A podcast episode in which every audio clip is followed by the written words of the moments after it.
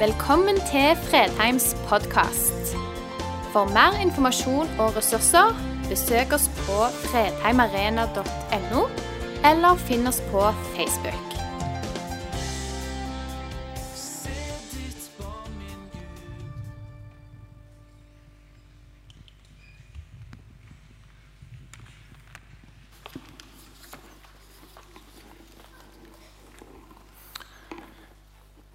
Vegard eh, talte på søndag om eh, kall. Og det å være kalt, jeg tror primære kall er å følge Jesus dit han tar oss. Og det vil se forskjellig ut alt etter hvem vi er. Og Han avslutter på mange måter eh, med å bygge en direkte bro over til tematikken vi skal inn i i dag, eh, som går på det å være lys og salt. For Han avslutter talen sin på denne måten. Ha kjærlighet til alle og hvordan vi gjennom det kan være et lys for byen vår og for de menneskene rundt oss som ennå ikke kjenner Jesus. Rodney Starks er en anerkjent professor i sosiologi og har brukt store deler av livet sitt til å forske på fremveksten av kristendommen.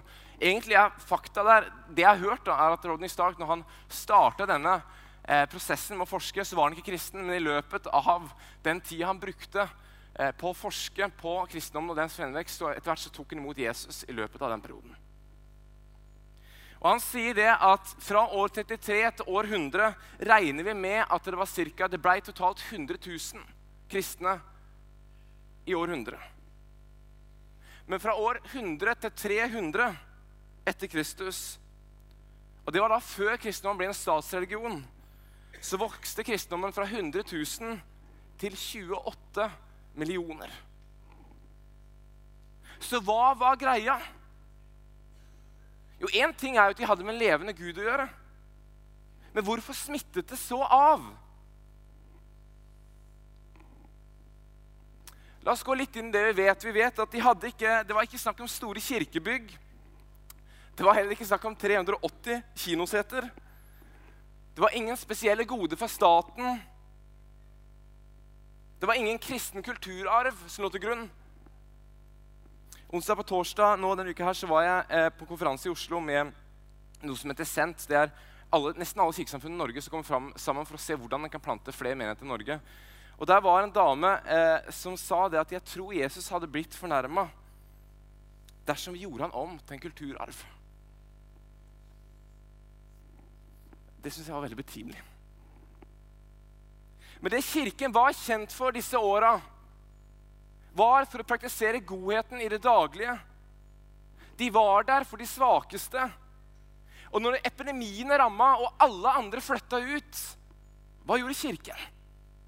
Den flytta inn. Og Da snakker vi ikke om svære megakirker. Da var kirken snakk om huskirker og familier som flytta inn, tok problemene på seg. Et vesentlig poeng var at kirken denne tiden så på seg selv som svaret på problemene rundt seg. Den forsto seg sjøl som svaret. Og Gjennom det fikk den lov å representere denne lys- og salgfunksjonen på en helt spesiell måte. Og det smittet jo av. Det får folk til å stille spørsmål. Hvorfor er du villig til å komme hit og ofre livet ditt for meg? Inn i dette huset med sykdom, når de ikke engang kjenner meg? Men de gjorde det ikke fordi de var forventa av dem, eller som et strategisk trekk. Men de gjorde det fordi de opplevde at det var dette eksempelet Jesus hadde satt opp med sitt liv og med sitt død. De var ikke like opptatt av kulturarven, men hva dette betyr for mitt liv. Alan Hirsch, en sørafrikansk anerkjent misiolog, som vi også hadde besøk her på fredag for et par år siden, han eh, liker å provosere på måten han sier ting for, fram. Og det er fordi han ønsker å måte rokke ved den etablerte kirken og få han til å stille spørsmål. En av de setningene han er kjent for, er en setning som går sånn som det her. If the church doesn't look like Jesus, then what the hell are we doing? Jeg skal oversette den på Andreas-måten. Det blir en litt mer eh, koselig setning. Og da blir den Hvis ikke kirken ser ut som Jesus, hva i himmelens navn holder vi på med?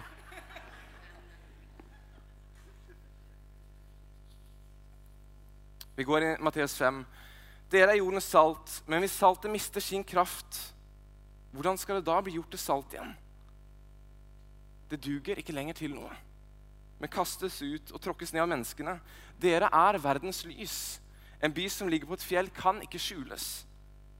Heller ikke tenner man en oljelampe og setter det under et kar. Nei, man setter det på en holder, så den lyser for alle i huset. Slik skal deres lys skinne for menneskene så de kan se de gode gjerningene dere gjør, og prise deres far i himmelen. Og Ut fra dette lille avsnittet, går, i hvert fall med det som går på lys, forstår vi at vi bærer med oss en kraft i det å være troende. I kraft å følge Jesus. Som skal være synlig, som skal være annerledes, som skal skille seg ut.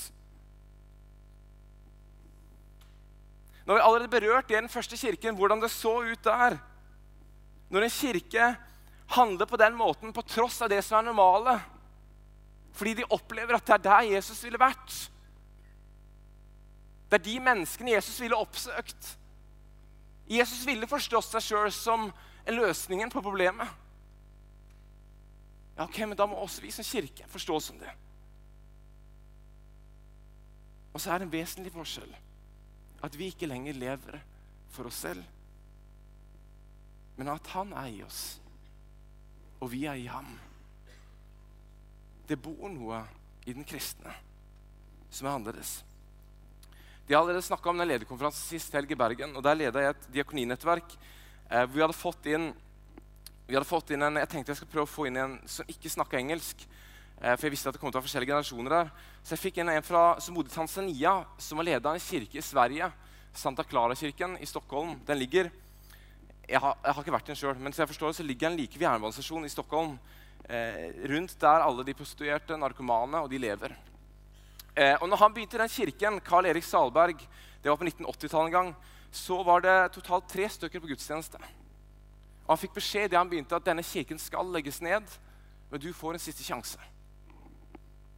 Så det de gjorde, var at de flytta kirken ut på gata, hvor de prostituerte, narkomane hjemløse bodde møtte de med mat og møtte de med et åndelig liv. De første fem årene så, så de etter hvert at noen flere begynte å komme til gudstjeneste, men de så likevel ikke de store gjennombruddene. Og Så forteller han hvordan de etter hvert ble påpekt på at bruk mer tid i bønn. De økte, økte bønneskalaen. Egentlig sa han imot min vilje så begynte vi å be to timer daglig. Jeg fatta ikke hvordan vi skulle få de frivillige til å være med på det, men de begynte. Og gjennombruddene begynte å komme narkomane, prostituerte, hjemløse. Så fikk livet lagt ned, lagt tilbake seg i møte med Jesus. Og Han visste bilde etter bilde etter bilde av mennesker som har vært på heroin 10-20 år, som nå har jobb. Sogneprest etter sogneprest etter sogneprest. Som tidligere han hadde møtt på den gata, men som hadde fått livet sitt helt snudd opp ned i møte med Jesus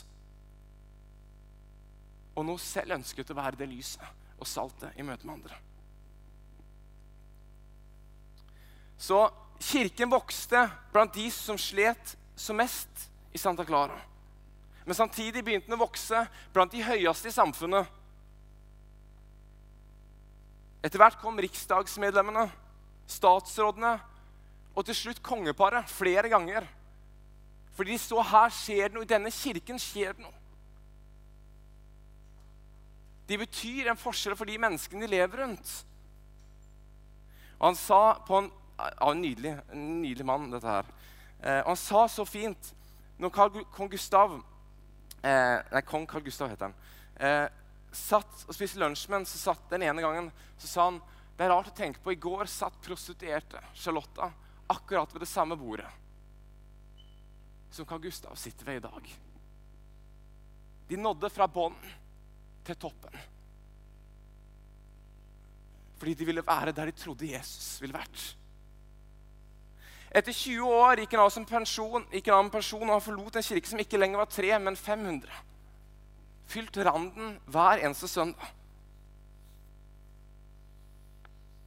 Hvor på noen av søndagene det er et fellesskap som består av kongelige riksdagsmedlemmer og den prostituerte, hjemløse og narkomane som er en del av det samme åndelige fellesskapet. Og Han drar fram historie etter historie etter historie. og Jeg, jeg så på nettverket at folk sitter med tårene i øynene, for de kan ikke forstå er det virkelig mulig. Og når denne mannen er ferdig med pensjon Nå snakker vi om den mannen når jeg ble helt berørt. Så flytter han ned til Tanzania, og nå leder han da 28 hjem der som tar til seg barn i Kilimanjaro, rundt Kilimanjaro-området. Noen av de finner de i søppeldunker rundt omkring. Så de plukker inn, gir nye hjem. Men det han sa, som kanskje gjorde mest inntrykk på meg alt, var at etter en periode han hadde jobba som prest der, så kom han ned til denne sentralbanestasjonen, det lokket. Eh, og så var det en av de narkomane som kom bort til ham og sa det finnes ikke mange misbrukere kvar her nå. Og Karl Erik, presten, sa at jeg har registrert det. For det var mest asylsøkere her. Og den type igjen. Han spør narkomane hvorfor tror han det er slik, og han sa det svaret jeg fikk, satte meg fullstendig ut. Fordi han forventa at enten vi ville være polisen, som han sa, eller kommunen. Men hvor da misbrukeren svarte den andan som er i er, er for sterk. Her kan ikke vi være. Den ånd som er i dere, er for sterk. Her kan ikke vi være. Så De da, fikk da vite hvor de hadde flytta ned. Da sa han det var en tunnel. så da ba, sa nettverket da vet du hva jeg gjorde. Da flytta han sannsynligvis alt med seg ned til den tunnelen for å møte de der. Ikke undervurder det du bærer med deg i kraft av å være en kristen. Der du er. Hvis du våger å ta det åndelige nærværet i livet ditt på alvor At vi ikke bare vaser det vekk gjennom å skulle bli mest mulig lik alle andre. Men faktum er det vi er annerledes. Vi har fått et nytt liv. Og det livet vitner om håp. For mennesker som kanskje ikke klarer å se håp. Thomas Stearns Elliot har sagt «The greatest proof for Christianity for others is not how far a man can logically analyze his reason for believing, but how far in practice he will stake his life on his belief. Oversatt til Andreas norsk så blir det slik det største beviset for kristendommen for andre er ikke hvor tungt en kan logisk analysere sin begrunnelse for tro, men hvor langt i praksis en er villig til å stake ut sitt liv på bakgrunn av den troen. Og Da er vi fort tilbake til det det ble snakk om sist søndag. Kallet om å følge Jesus. Det gjelder hver og en av oss. Det gjelder ikke bare noen yrkesgrupper eller noen spesielle personer. Det gjelder hver og en av oss. Hva vil det si å følge Jesus der jeg er, der jeg lever mitt liv? Hva betyr det at han lever i meg? Hvordan ser det ut for de menneskene som går rundt meg?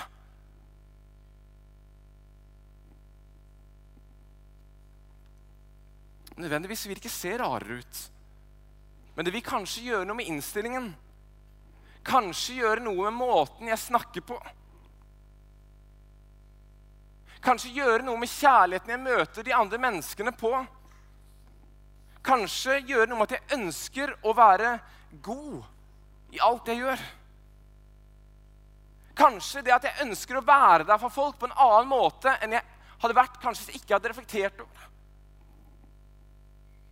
Kanskje det at jeg ønsker virkelig å sette andre foran meg selv. Jeg vet ikke hvordan det vil se ut i ditt liv. Men det vet ikke du heller. For du tar på det fokuset. Jesus, hvordan vil det se ut hvis jeg følger deg i min hverdag? Ikke først og fremst her inne fra 11 til 1 men der jeg er i morgen, der jeg er på tirsdag, der jeg er på onsdag Hvordan vil det se ut for de menneskene jeg møter? Hvis jeg tar på alvor at du har flyttet inn i meg, og at du bor i meg, og at du ønsker å møte mennesker Du ønsker å rive ned de veggene som sperrer. Hvordan vil det se ut i ditt liv? Spytta jeg. Sorry. Så det gjorde du.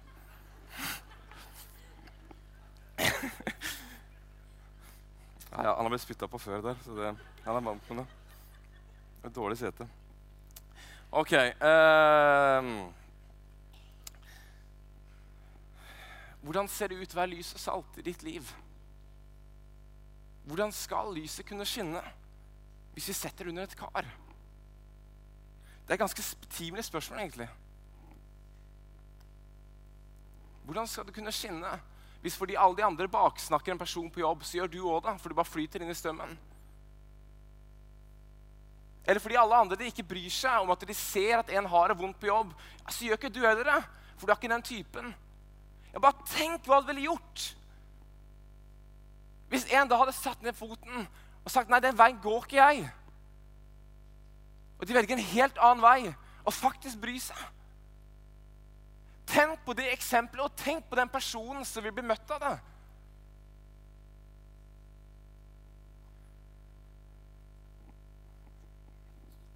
Um, på det nettverket vi leda i Bergen, så hadde jeg også inne han Therese Loftesnes, fra, som har av Godhet i Norge eh, over mange år. Leder ikke nå lenger, men jobber som bl.a. Eh, pastor Imi.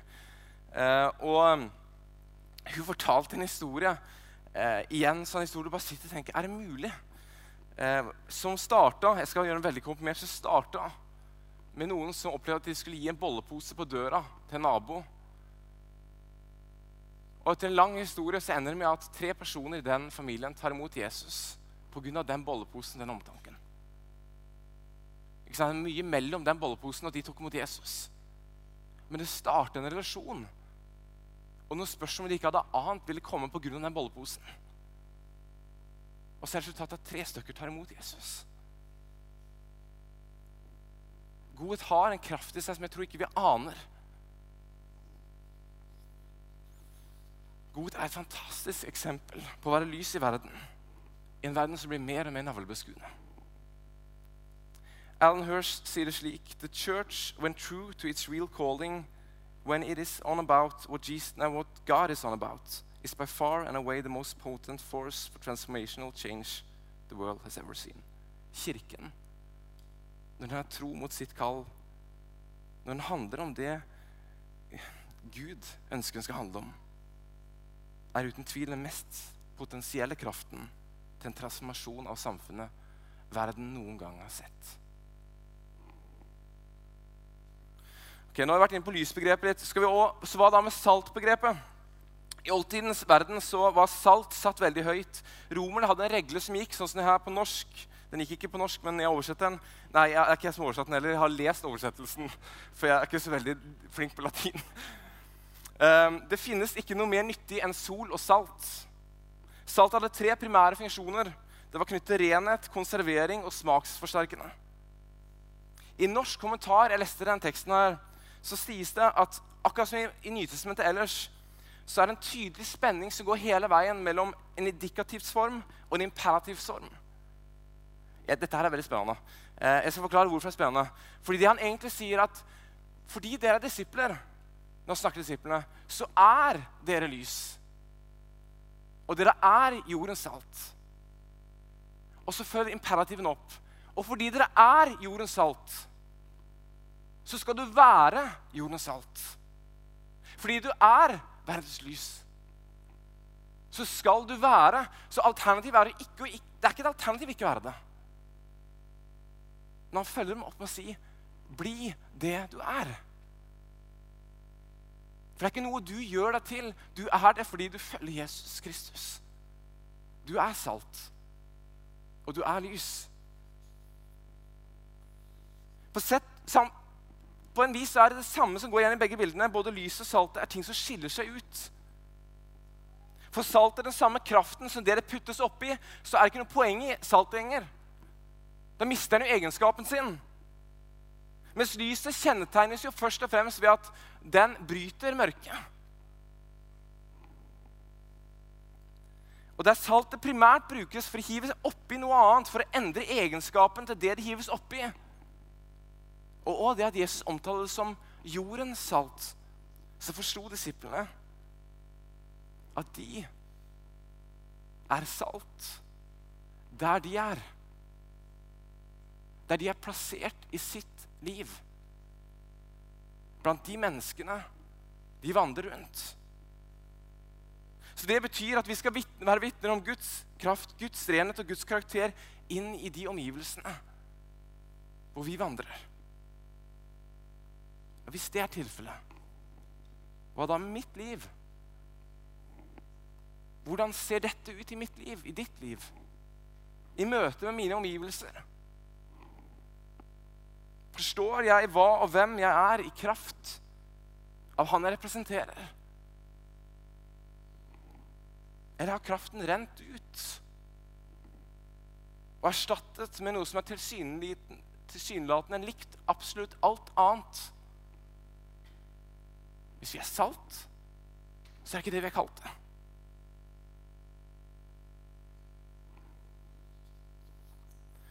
Når jeg jobbet med den samme teksten som det her for en del år tilbake, så kom jeg over en forståelse til av det her fra det, fra det samfunnet hvor Jesus fortalte det inn i. Og det var at det var, kunne bruke saltholdige mineralplater. Så nå er det som en katalysator ved brenning av kamelhus i ovnen. Og de mente da at dette her var noe den tilhørende kom til å kjenne til. Så når disse menneskene hørte dette bildet, så var det et bilde som de forsto var ment til å aktivisere å være et moment til forandring. Og den forståelsen ligger overfor oss. Ikke bare passivt velge å være annerledes, men faktisk å ta til orde for at livet med Jesus er det beste livet vi kan leve. Å velge det aktivt og synlig og tydelig. Og ikke bare skli med, men vær stolt av den du er og den du representerer.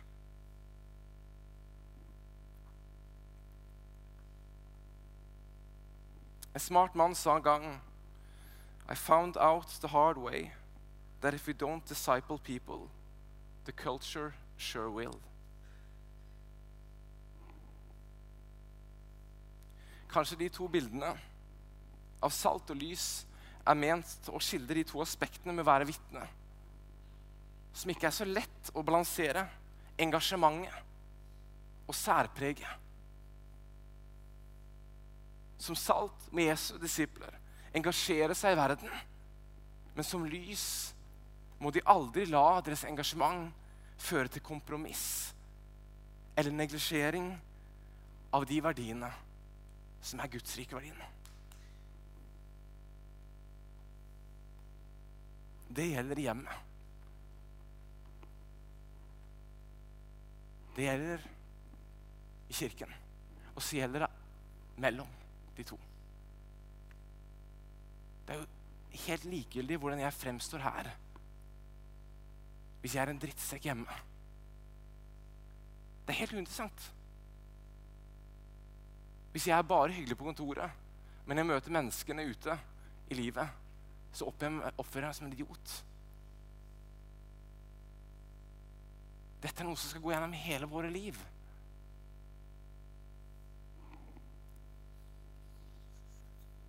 Den første kirke var kjent for å leve ut disse verdiene.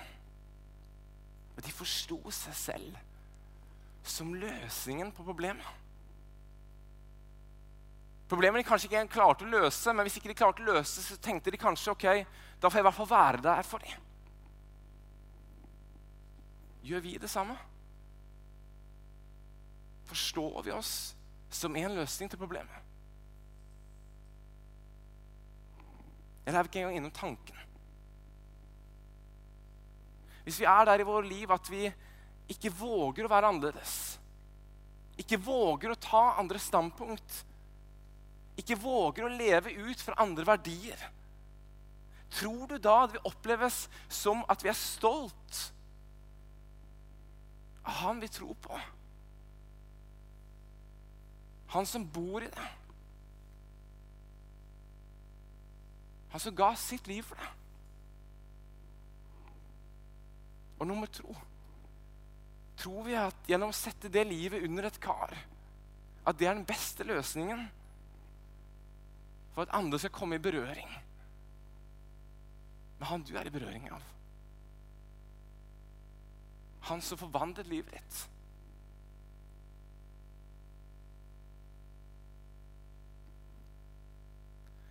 Jeg skal avslutte. Før i tiden sa de at helgener er ikke selvlysende. På ikoner, iallfall de gresk-ortodokse, vil det si at det er ofte veldig mye gull rundt fjesene til ikonene. Og Dette var en enkel måte å forklare det at disse menneskene levde så nært Jesus at de reflekterte lyset av ham. Det strålte ut av dem. Men det er aldri en sologreie. De var alltid en del av et større fellesskap. Og det ser vi òg i den teksten her. Det står aldri 'du er jordens salt'. Eller 'du er lys'. Det står 'dere, dere, dere'. Han snakket konsekvent til disiplene og kirken som et fellesskap. Dette er ikke noe jeg skal bære alene. Eller du skal bære alene. Dette er kirken sitt ansvar. Men det aller viktigste av alt med at helgener ikke er selvlysende, er fordi de er avhengige av nærheten til Jesus Kristus. Hvis ikke vi opplever at vi er lys og salt i vår hverdag, så start med å se innover.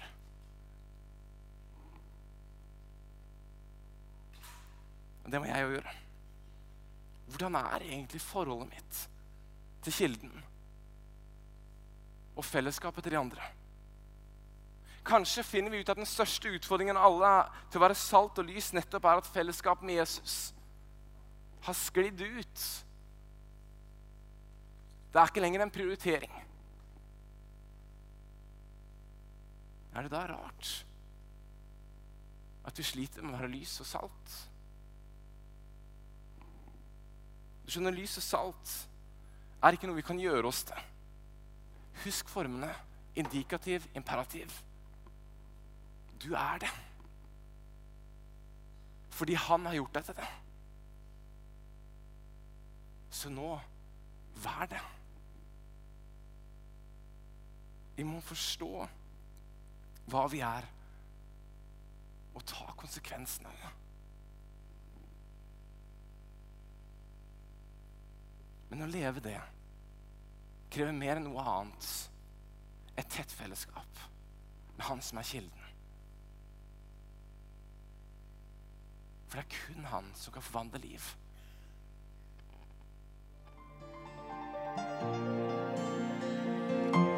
Takk for at du valgte å høre på. Nye opptak legges ut hver uke. Vi har gudstjenester hver helg, og du er hjertelig velkommen.